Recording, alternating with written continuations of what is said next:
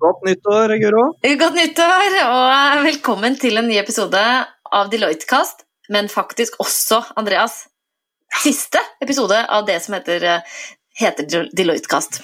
Fordi ja, det, det, blir uh, nytt navn mm. fra en episode, og det betyr at vi skal ha et uh, lite gjenhør i denne episoden. Bare for å liksom kicke i gang året og for å si fra om at her, her kommer faktisk navnet i din podkast-app til å endre seg med nytt uh, ikon, logo der og hele pakka. Men uh, det er fortsatt denne podkasten, så ikke, ikke, vær redd. Men uh, det nye navnet, vil du avsløre? Jo? Ja, takk skal jeg få æren. Det er I loopen.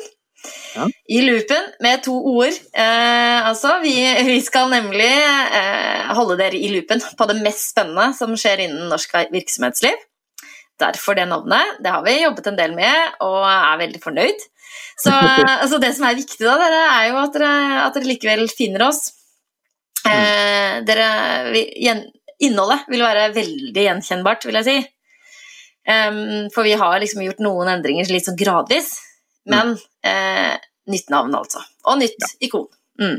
Ja, så det blir, det blir, gøy å kicke i gang. Og så mm.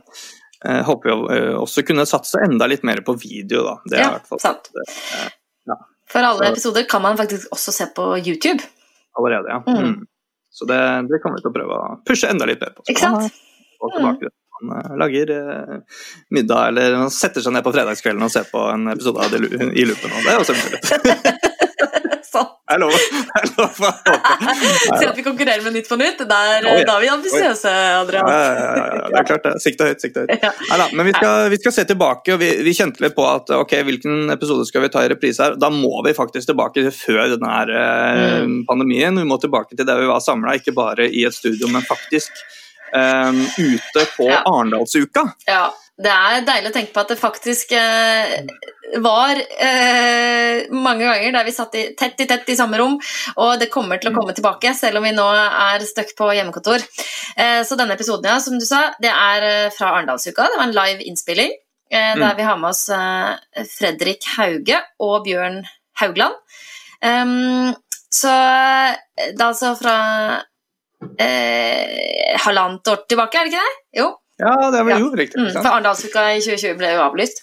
Mm. Mm. Så ja, her skal, vi, her skal vi, rett og slett uh, dykke litt inn i, i det med, med, bærekraft, og hvor langt næringslivet egentlig har kommet på mm. det med, med klimavennlighet. da. Mm. Uh, og jeg tror den står seg ganske godt uh, fortsatt. Uh, det tror jeg. En, mm. en fin påminner om hvor viktig dette fortsatt er å jobbe med, og, og hva som kanskje skal til da, for å lykkes med det. Mm. Så, Sant. Nei, men Da får vi bare si god lytting, og så ses vi jo da igjen, eller vi høres igjen om to uker, men som i loopen. Oh yes. Mm. Ok. Kos dere.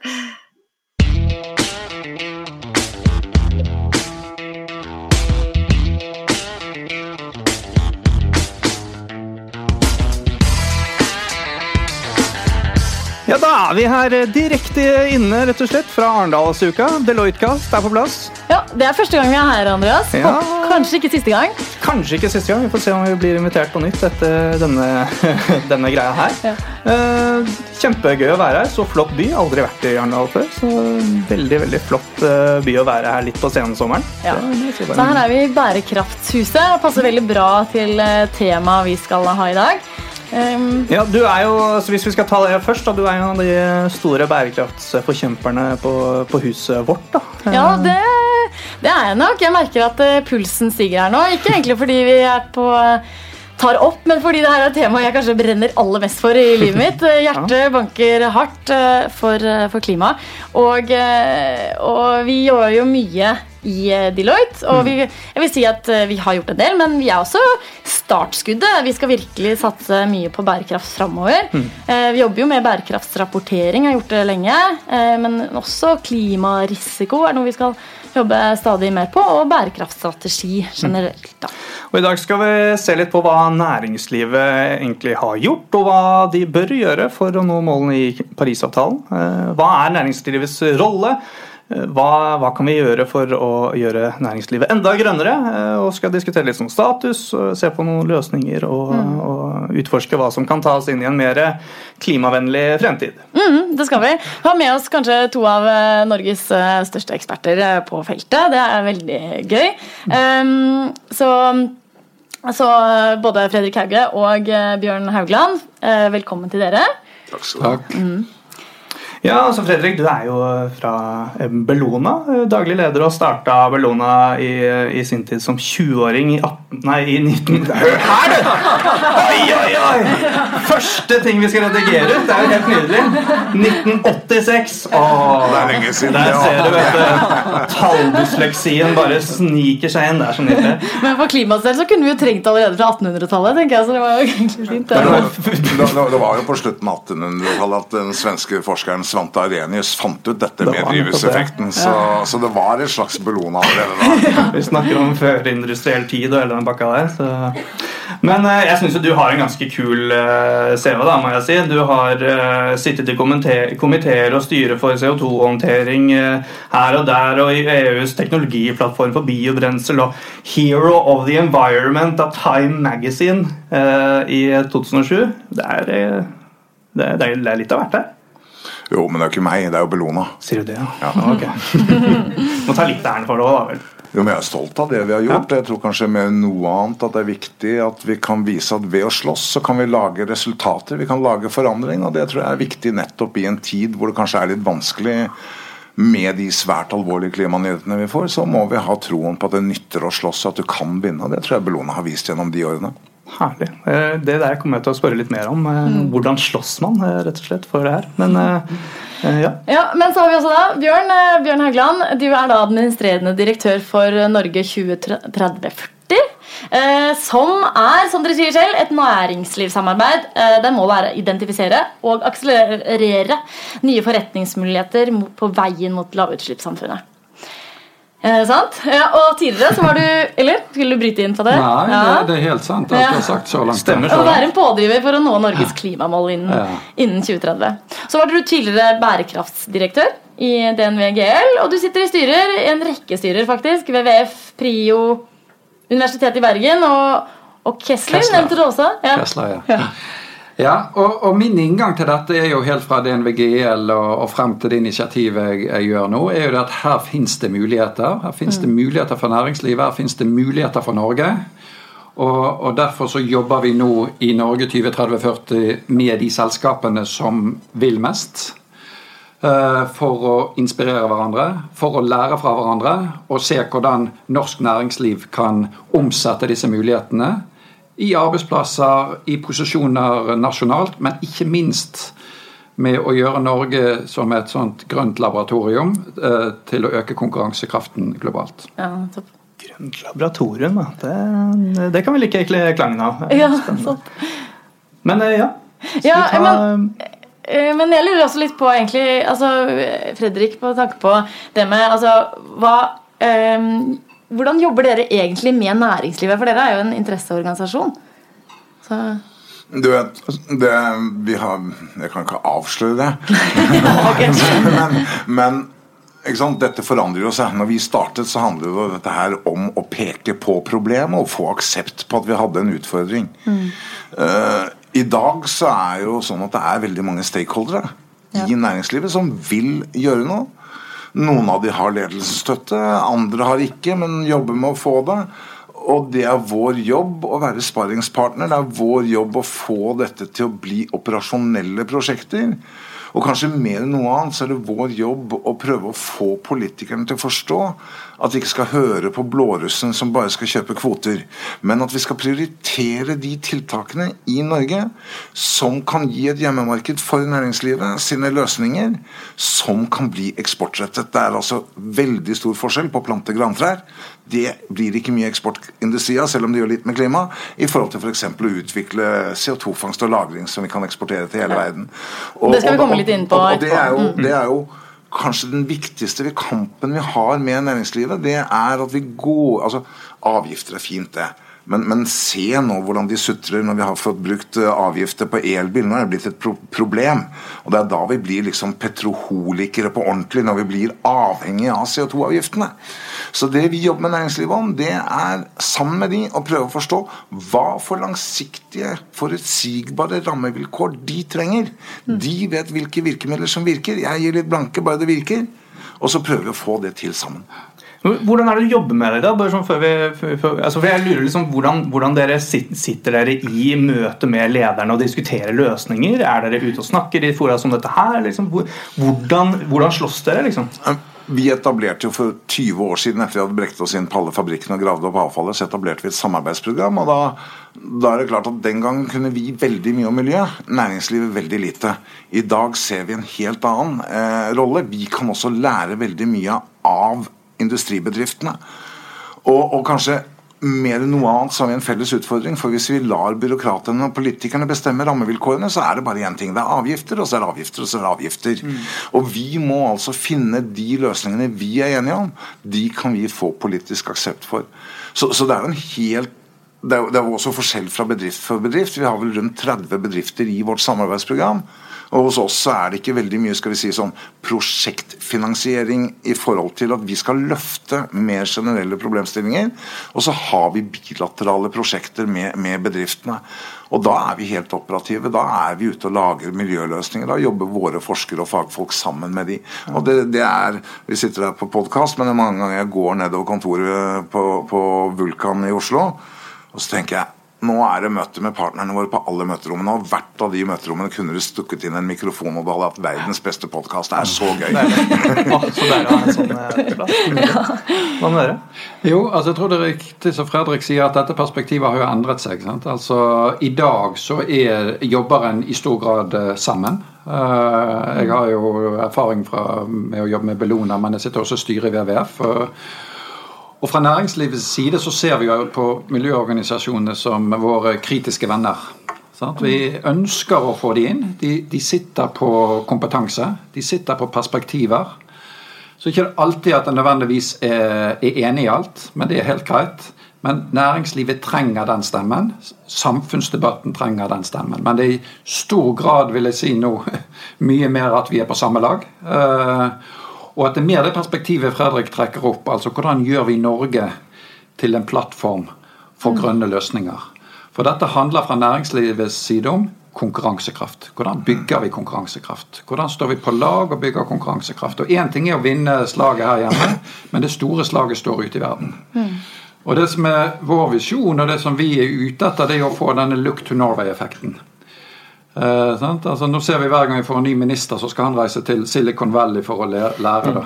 Jeg vil at ministre fra andre land skal komme til Norge, ikke bare for å lære, men for å se løsningen implementert. Mm. Og, og, Vi har litt av det på, på elbiler, vi, vi, ser litt av det nå på det maritime.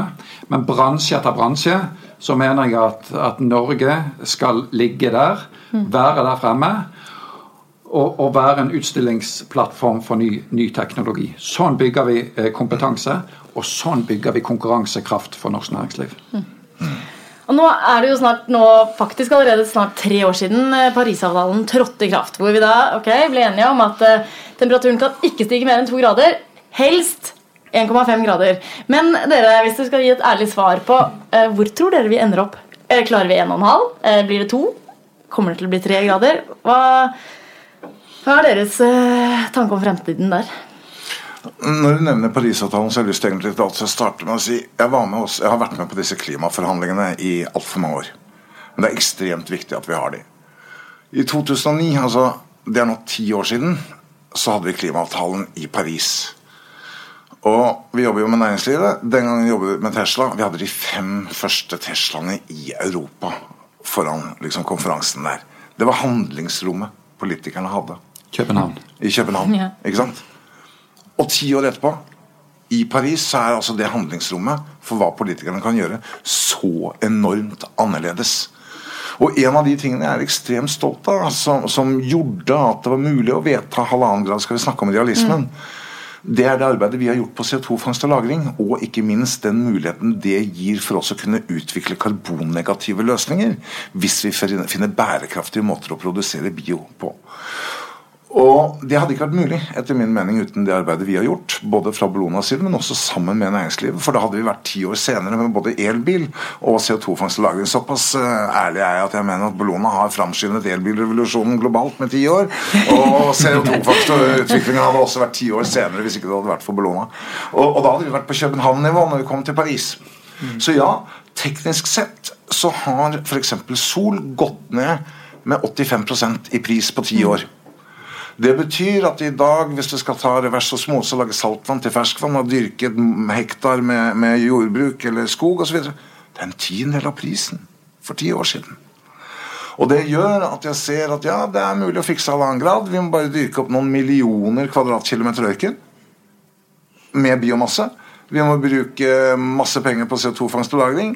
Vi må ta f.eks. kofyre kull med bærekraftig bio og lage de største utslippskildene til et sugerør. Da er det mulig å nå halvannen grad. Og jeg sitter jo ikke stille, så nå driver vi og bygger et sånt saltvannsanlegg nede i Jordan. ja. Og det er begynnelsen. Men det som er så kult, er at vi begynner å få ned prisen til noe som kommer til å være langt innenfor de vi, det vi kommer til å akseptere som akseptabel klimakost. Og vi skal ha noen ganske morsomme nyheter om dette i løpet av Arendalsuka. Okay, Men innerst i hjertet ditt så har du, du har fortsatt tro på at det kan bli halvannen grad der? Jo, men ellers har jeg gjort som mange andre. Reist på første klasse til helvete, hatt det gøy. altså, Jeg tror jo på dette her. Altså, og, og, og, og, samtidig så har vi fått som jeg sier, vi har fått noen enorme teknologiske muligheter. Det skremmende er jo at klimaforskningen viser at det vi trodde skulle skje om mange, mange år, det kommer mye raskere, mye kraftigere, mye mer alvorlig. Og så mangler vi lederskap hos politikerne som tør å si hvordan det er. Mm. Fordi det vi trodde skulle være halv meter havstigning i klimapanelet for fire år siden, ser ut nå til med samme scenario kunne bli opptil to meter. Ikke sant? Himalaya smelter 70 år tidligere enn det vi trodde. Det har bare rast på. Så nå selv om vi er teknologioptimister, så må vi også innse at utfordringen er enormt stor. Og Det andre som ved siden av muligheten for å gå karbonnegativt, som gjør meg ekstremt optimistisk Jeg er jo født sånn, ellers hadde jeg ikke holdt på med det jeg gjør det er at jeg tror at noe av det største jeg får være med på de neste årene, det er revolusjonen i kombinasjon med batterier og sol. For det kommer til å bli den største demokratiseringsprosessen i verden. Ja, Spennende. Og, men Bjørn, få høre fra deg. Har du tro på halvannen grad, eller blir det mer? Ja, altså Jeg er egentlig blitt mer optimistisk de siste senere år i forhold til halvannen grad. Eh, jeg har jo ledet arbeidet i DNVGL i flere år i forhold til sånne energifremskrivninger. Og, og de fremskrivningene sier jo fort at vi mest sannsynlig vil komme på 2,5-2,6 grader. Grunnen til at jeg blir mer og mer optimistisk, er jo at jeg ser at det blir et mye bredere engasjement. Eh, både i næringslivet, men i samfunnet generelt. Og det er jo sånn vi mennesker er skrudd sammen, at det er først når vi aksepterer at vi har et problem, at vi virkelig begynner å, å, å, jobbe med problemet. Og det er klart at, at det som Greta Thunberg kanskje står i spissen for, men som er et bredt uh, mobilisering blant, blant, ungdom, er viktig. Jeg ser en del norske selskaper nå som får, får uh, fornyelse i, i ledelsen. Og det er jo ungdommer som kommer inn med et helt annet perspektiv de har ikke lært seg bærekraft etter de ble 30-40 år. De har det mye mer i seg. Så, så, jeg er optimistisk fordi at problemet begynner å bli realisert. Og det som Fredrik sier, at forskningen har kun tatt feil på to områder. Alt de har sagt, det kommer bare fortere enn de har tørt å si, og med kraftigere amplityde. Så vi kommer hvert år fremover til å bli påminnet i alle årstider eh, det som er i ferd med å skje. Og, og, og det er plenty rapporter en kan lese om hvordan den fremtiden ser ut. Det betyr at vi aksepterer problemet. Det betyr at vi kommer til å agere på det. Og igjen, vi har de fleste teknologiene allerede. Vi mangler etter mitt skjønn enda en del politisk vilje til å få det til. Eh, men så er det jo sånn at i hvert fall i de fleste land så er det folket som velger politikerne. så Derfor er det så viktig å bredde ut det folkelige engasjement rundt klima. Da mm. først vil det snu, og jeg er optimistisk på at det snur. Ja, det var deilig å høre. for jeg, må innrømme at jeg, jeg, jeg, jeg, kan tone det ned litt, og det handler om Du kan ikke ligge helt på nei, nei, men de norske utslippene øker fortsatt. Ja, Det er det vi skulle over til nå. Og, og, og, og, hvis vi ser da, Jeg satt og regna litt her. og ser da på hva vi skal gjøre. Vi skal altså flytte fra nå til 2050 900 milliarder dollar årlig fra skitne investeringer til rene investeringer. Dette er en sektor hvor finansnæringen de har ikke peiling. Det eneste som er positivt, det er at før så var vi bare en trussel fra Bellonas side fordi vi tok oljeøkonomien. Nå representerer kunnskapen vår kanskje i hvert fall en mulighet for å spre risikoen. Men vi sitter fortsatt med en statsminister som sier at den siste nordmannen er ikke født som skal jobbe i oljeindustrien.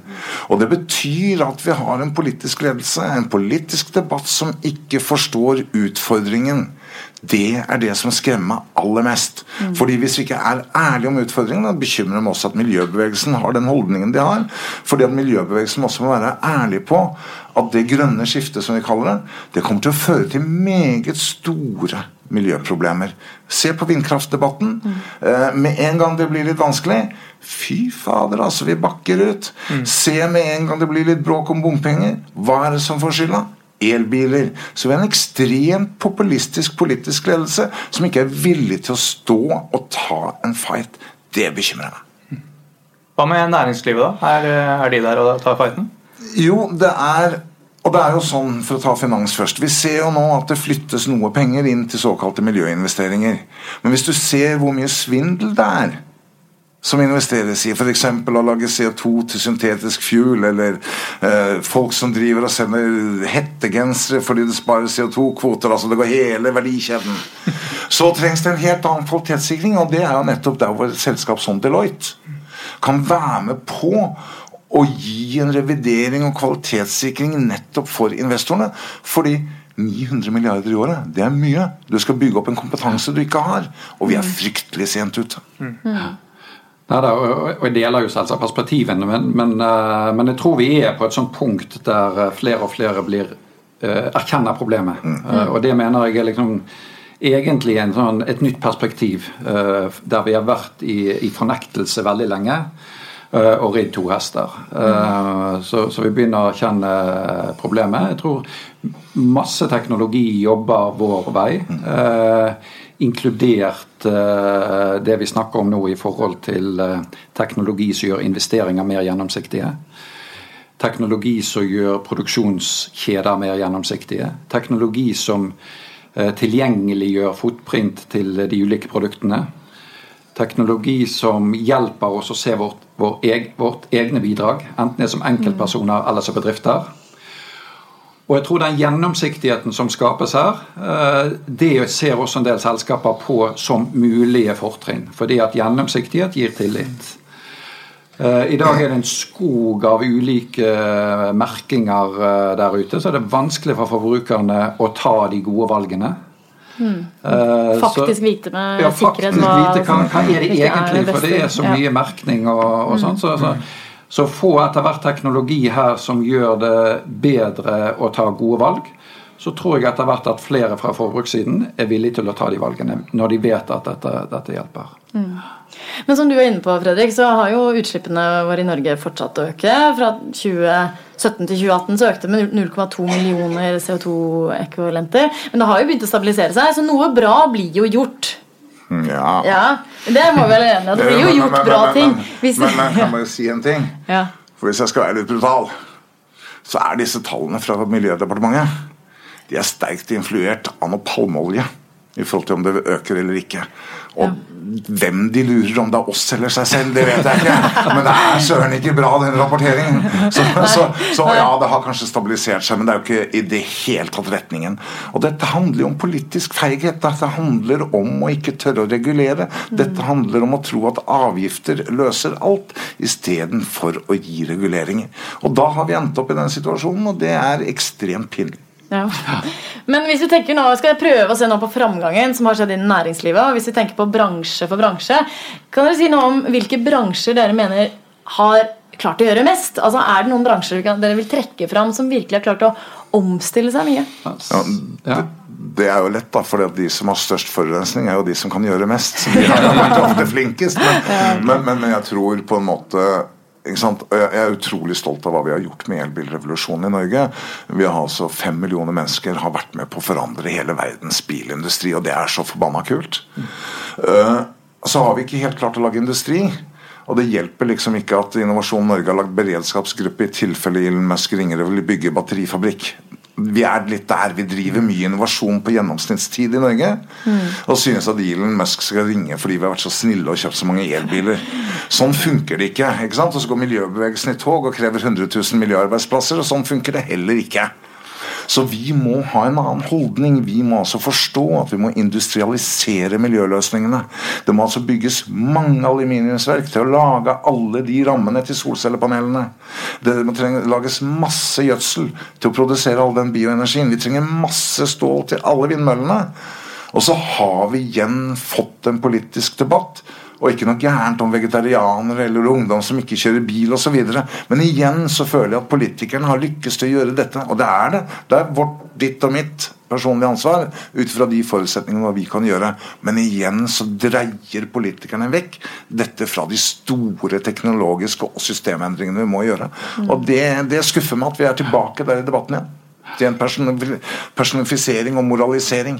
Ja. Nei, altså, jeg, jeg, tror det er veldig viktig at vi har fokus på det faktumet som dere trekker frem. At vi har faktisk ikke klart å redusere våre egne utslipp. Mm. Og så må vi ha det også i mente at vi eksporterer ti ganger våre egne utslipp.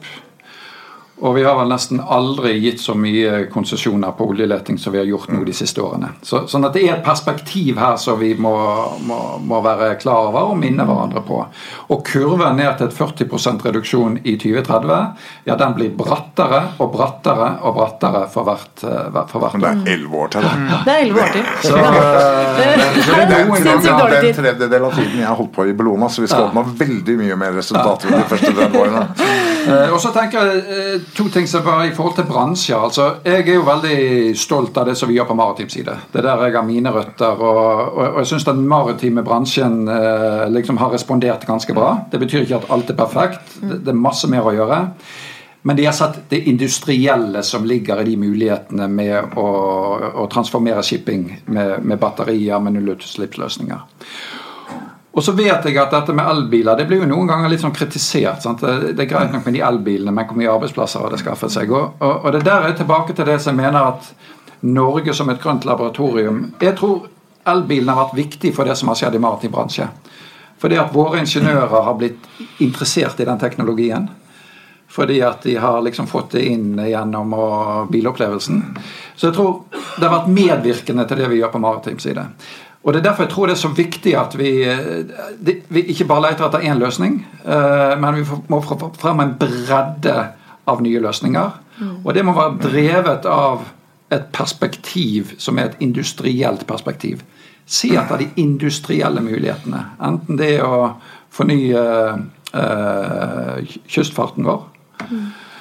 Uh, lage helt nye mobilitetsløsninger, eller elfly for min del. Men, men disse tingene de inspirerer hverandre.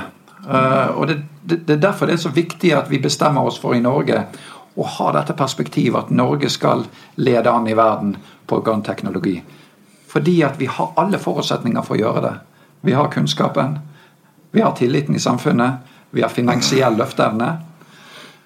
Vi må bare ville det. Ja, jeg er veldig enig i at det er riktig å trekke fram eh, maritim sektor. Og, og, vi hadde med Eidesvik rederi offshore-rederi, og så hadde vi med den første det var hydrogenbrenselcelle til København som en del av våre 101 løsninger. og Så har vi jobbet med Color Line, vi har jobbet med Hurtigruta, vi har jobbet med Yara, vi har jobbet med, med elektrisk hvalsafari.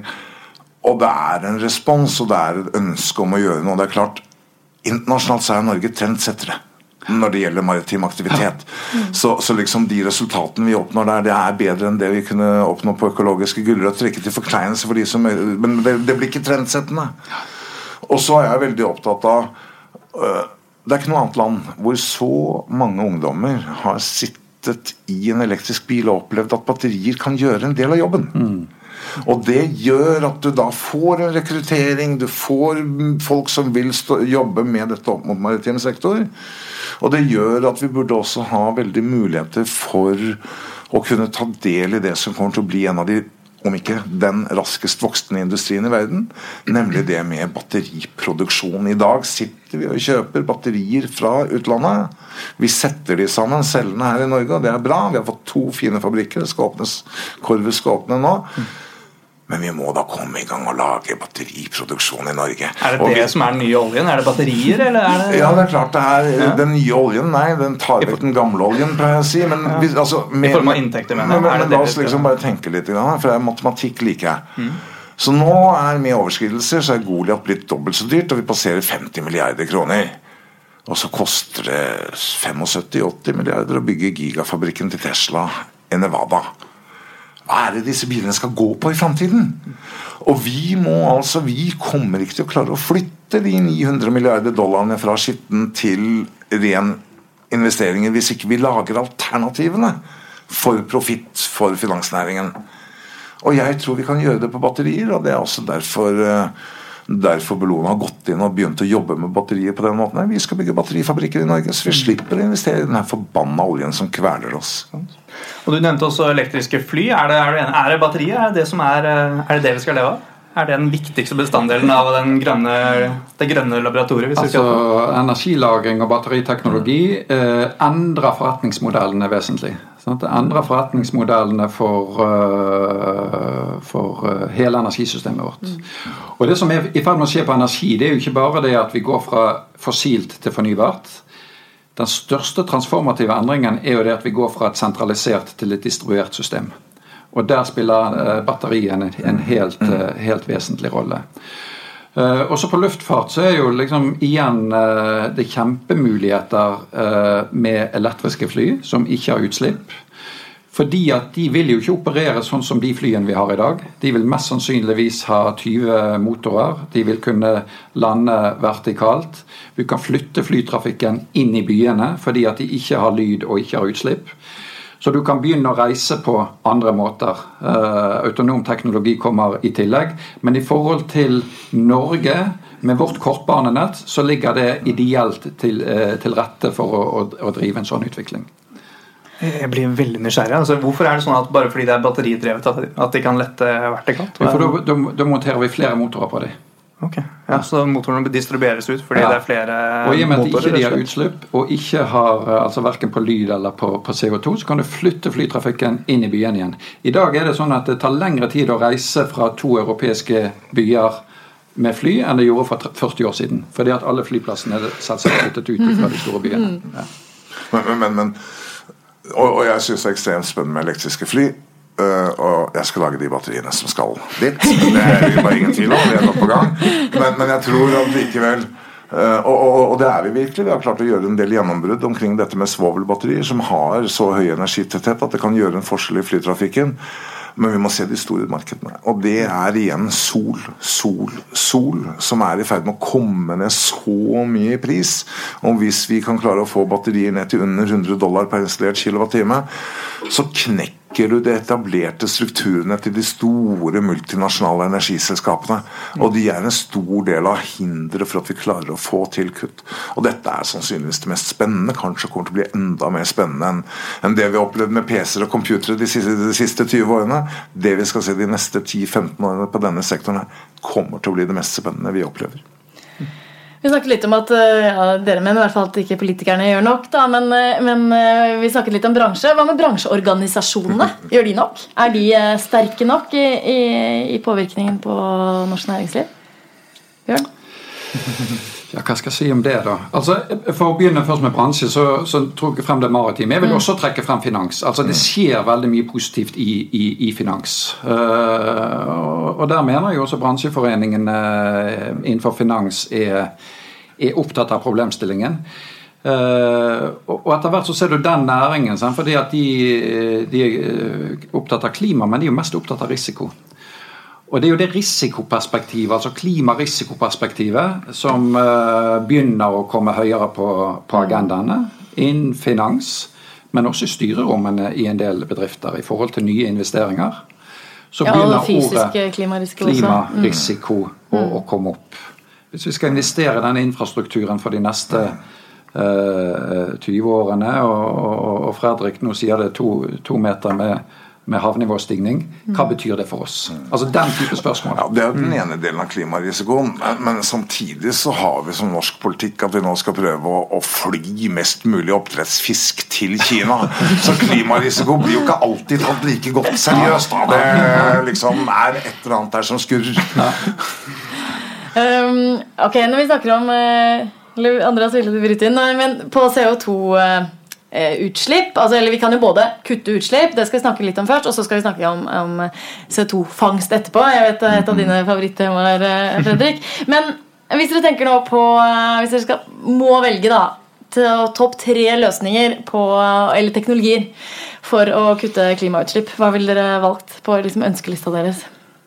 Dere har mest tro på? Ja, altså, altså, dette med CCS og en, en, en god, robust CCS-teknologi men også forretningsmodeller selvsagt rundt CCS. CCS for de som ikke vet det, det er Carbon Capture, capture Storage. storage ja. Ja. CO2-fangst. Det tror jeg er en helt, helt essensiell teknologi. Eh, Norge har kompetanse, Norge kan gjøre mer. Her er det industrielle muligheter.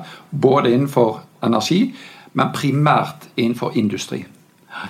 Det andre er batteriteknologi, som åpenbart uh, liksom snur forretningsmodeller. Altså Når kostnadene kommer ned, så plutselig så ser du at, at det muliggjør en del nye forretningsmodeller som faser ut det gamle og, uh, og tilrettelegger for, for ny industri.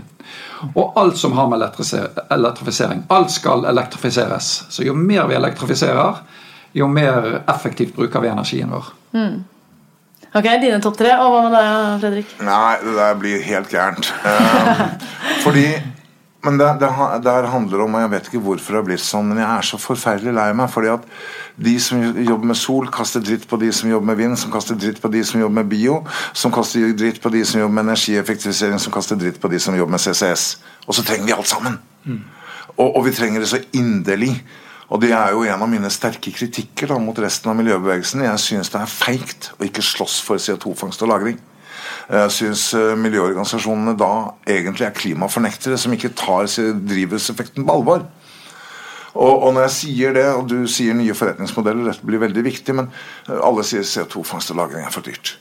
Men det blir 1,4 trillioner euro dyrere for EU å nå sine klimamålsetninger uten Altså, nei, ikke 1,4 2-4 trillioner euro. Trillioner euro. euro ja, det er vanskelig å se for seg. Hvis du går gjennom de 1180 scenarioene i siste FNs klimapanels rapport, så er det 11 av de som tar oss under to grader. Alle inneholder CO2-fangst og -lagring i kombinasjon med bio. Og miljøbevegelsen driver i stor grad av cherrypick conclusions på den måten kullindustrien gjorde for ti år siden fra FNs klimapanel.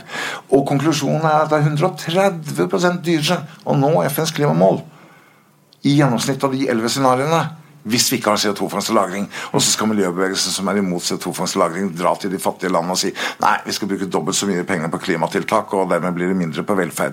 Så det er liksom sånn helt avgjørende. Får vi ikke til CO2-fangst og -lagring, så er vi ja, det er romraketten til Elon Musk til Mars eneste alternativ. Det er liksom der vi er. Og det er også den eneste teknologien som du sier Jeg tror vi kommer til å måtte ha det også på energiproduksjon. Men det er det eneste som også kan ta industriutslippene. og Bare Tysklands industriutslipp er like store som Polens kullkraftutslipp, så vi kommer ikke utenom dette her. Mm. Så, så, så, så, for meg så er jo det uh, vi, ha, vi, kommer til å få sol, det får vi som våpen i klimakampen. Vi har vind. Uh, vi mangler nye former for å produsere bioenergi. Det er den ene store mangelen vi har. Og så må vi få CO2-fangst og -lagring og batterier. Men det batterier klarer vi. Det skal jeg fikse.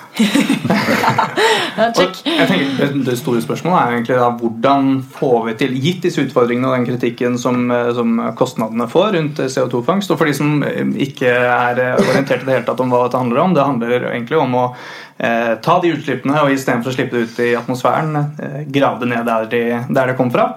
Eh, i, der, der hvor oljen typisk eh, har, har ligget. Så, men det, det, er for dyrt, visstnok. Hva gjør vi? Hvordan, hvordan, skal vi få til dette i stor altså, skala? Det er så ekstremt mye dyrere å la være. Ja, altså jeg er jo uh, Du må internalisere eksternalitetene skal du få dette til å gå. Jeg tror jo at sol og vind i stor grad vil løse det på energisiden. Altså på kraftsystemet nå, heldigvis. Pga. At, at, at det blir så konkurransedyktig. Men jeg tenker på Det, det, det er så uenig på, på industri... altså, altså, jeg, jeg skjønner ikke hvordan du kan si det. Vi, vi har 15 år igjen å halvere utslippene. Hvordan i all verden kan du si dette? Fordi at Du kan jo aldri skalere dette opp så raskt. Du har 6000 anlegg som står for 60% av utslippene i dag. Som du, du er nødt til å ha CO2-fast lagring. Du kan ikke ta alt på sol. Men, men jeg sier det at eh, på industrisiden eh, så mener jeg det er helt essensielt. Uh, og, jeg, og, og, der er det masse muligheter en ennå kan ta ut i forhold til, til store punktutslipp. Uh, og jeg bare, jeg bare merker at det perspektivet uh, på industri tror jeg har fremdeles stort potensial i å, å finne løsninger, enten det er avfall, eller det er sement, eller, eller store punktutslipp. Så, og derfor kan også faktisk klare å gå karbon. og så prøver vi ikke sette disse to opp mot hverandre, men jeg bare syns det som skjer på, på, på, på, på industri men, men, sånn sett jeg, jeg, jeg, jeg reagerer litt, for jeg opplever nå nettopp at det du sier, også en masse visvas som såkalt sirkulær økonomi, blir brukt som argument for at vi ikke skal satse på CO2-fangst i energisektoren. Og det er en livsfarlig vei å gå. Vi er nødt til å få med oss dette våpenet, ellers så klarer vi det ikke. Mm. Vi Deloitte har vært involvert i det CO2-fangstprosjektet på Klemetsrud, sammen med bl.a. dere i Bellona. Men, men, ja, det er store kostnader. Det er vel snakk om i hvert fall 4,5 milliard i investeringer. 250 millioner årlig. Ja, det er mye penger, men selvfølgelig er alternativet verre. Men ok, hvordan er det vi kan få dette lønnsomt? da? Hvordan er det, Hvis dere nå skal prøve å være realister, da, for at vi skal få det et, et av de mer første tingene vi må gjøre med Klemetsrud, ja. Det er jo faktisk å gi de da en helt annen form for kreditt. For at halvparten av det som er brennes da i, i, på Klemetsrud, er jo biomasse. Så hvis du får CO2-fangst og -lagring på Klemetsrud, så blir faktisk Klemetsrud et karbonnegativt anlegg. Og der må vi ha andre måter å premiere det på. Og Det burde egentlig kunne være innenfor en økonomisk ramme. Så er det sånn at de 10-12 første anleggene vil være dyrere enn de neste 10-12 anleggene. Og vi har en ganske klar formening om hva for kostnadsreduksjonspotensial det har. Den store bekymringen kostnadsmessig for det vi holder på med CO2-fangst og -lagring hos meg, er jo at vi bare bygger ett anlegg. Og at ett anlegg skal ta hele kostnaden med infrastrukturen. Da blir det dyrt. Den infrastrukturen vi skal bygge for Klemetsrud og forhåpentligvis også Norcem, den kan brukes av mange andre, og da går prisen ned. Mm. Men dette kommer til å bli billigere enn kvoter i framtiden, og så er det enkelt og greit. Vi løser ikke klimaproblemet i verden hvis ikke kvoteprisen er lik det det koster med CO2-fangst og -lagring. Minst. Så, så, så, det er liksom sånn Så lenge ikke kvoteprisen er det, så løser vi ikke problemet. Blir kvoteprisen det det koster med CO2-fangst og -lagring, løser vi problemet.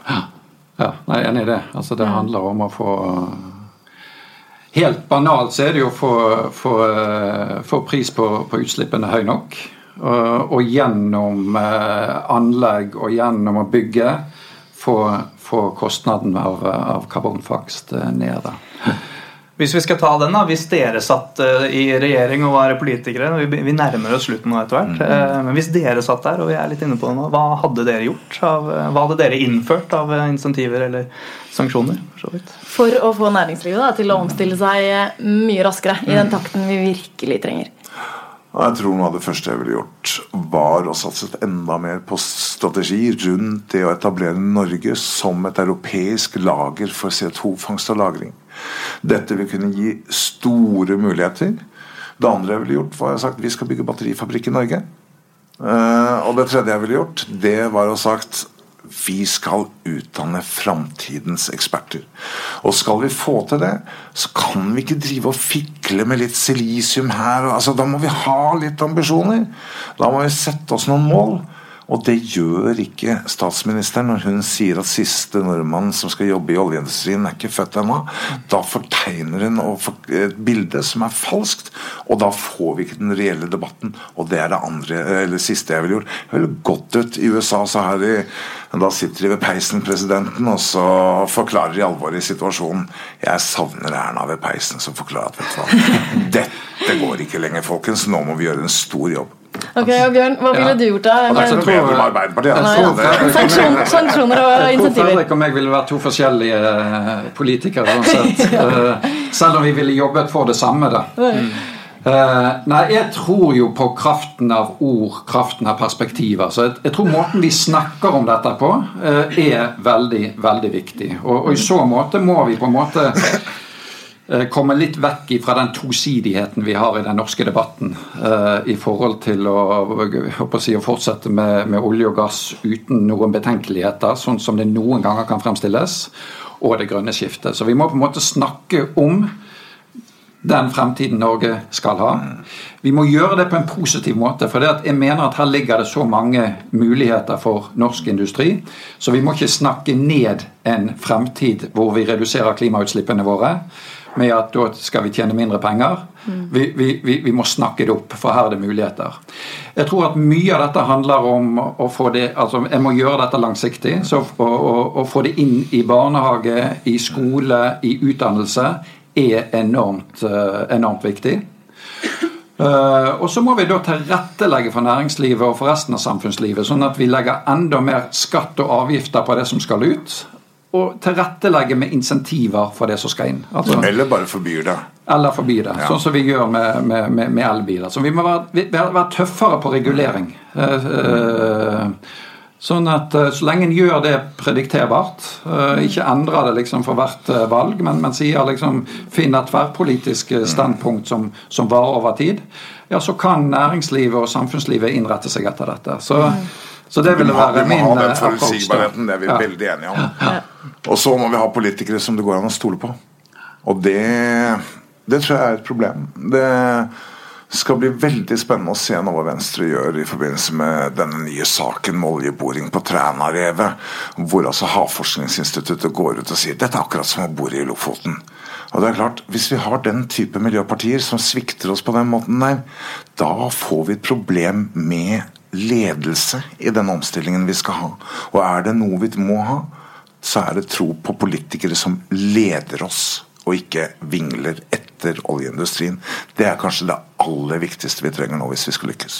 Så det blir spennende å se hva Venstre sier til den saken seinere, sikkert ja, på Arendalsuka. Det blir, ja. vil mer snakk om Tranarevet, helt sikkert. Mm, det skal jeg sørge for. Ja. Nei, Vi er vel dessverre kommet til at vi må runde av, Andreas. Mange spørsmål vi ikke har fått stilt, men uh, kjempespennende å prate med dere. Mm. Nei, Jeg har lært uh, masse i dag. altså.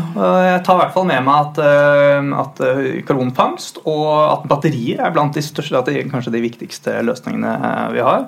Jeg tar med du sa om kraften av ord og hvordan vi snakker om dette her. Og det å stå i det når det er litt, litt vondt at det settes opp vindmøller og, og vi får bomringer og det som er. At vi må se litt konsekvensen av alle de tiltakene vi setter inn. Um, og at til syvende og sist så er det noe med skatter og reguleringer her som, som faktisk må til og å gjennomføres over tid her. Så, mm. Og jeg hadde faktisk ikke trodd det, men jeg ble faktisk litt mer optimistisk eh, etter eh, praten her i dag. Jeg har slitt litt med å være alvorlig bekymra de siste årene, og bare mer og mer. Men det er, det er fortsatt mulig, og, og vi Deloitte og resten av næringslivet i Norge får bare fortsette omstillingstakten. Uh, og tenker at vi trenger sa? Omstillingstakten, selvfølgelig. ja, det? Mm. Uh, og begynne å kutte i totalutslippet kanskje allerede neste år? Ja, kutte er én ting, men vi må som et av verdens rikeste land med så store oljeinntekter tørre å ta kostnadene med å yes. gå foran. Så det er bare å starte. Look to Norway. Ja, look to Norway. Det skal bli slagordet. Supert.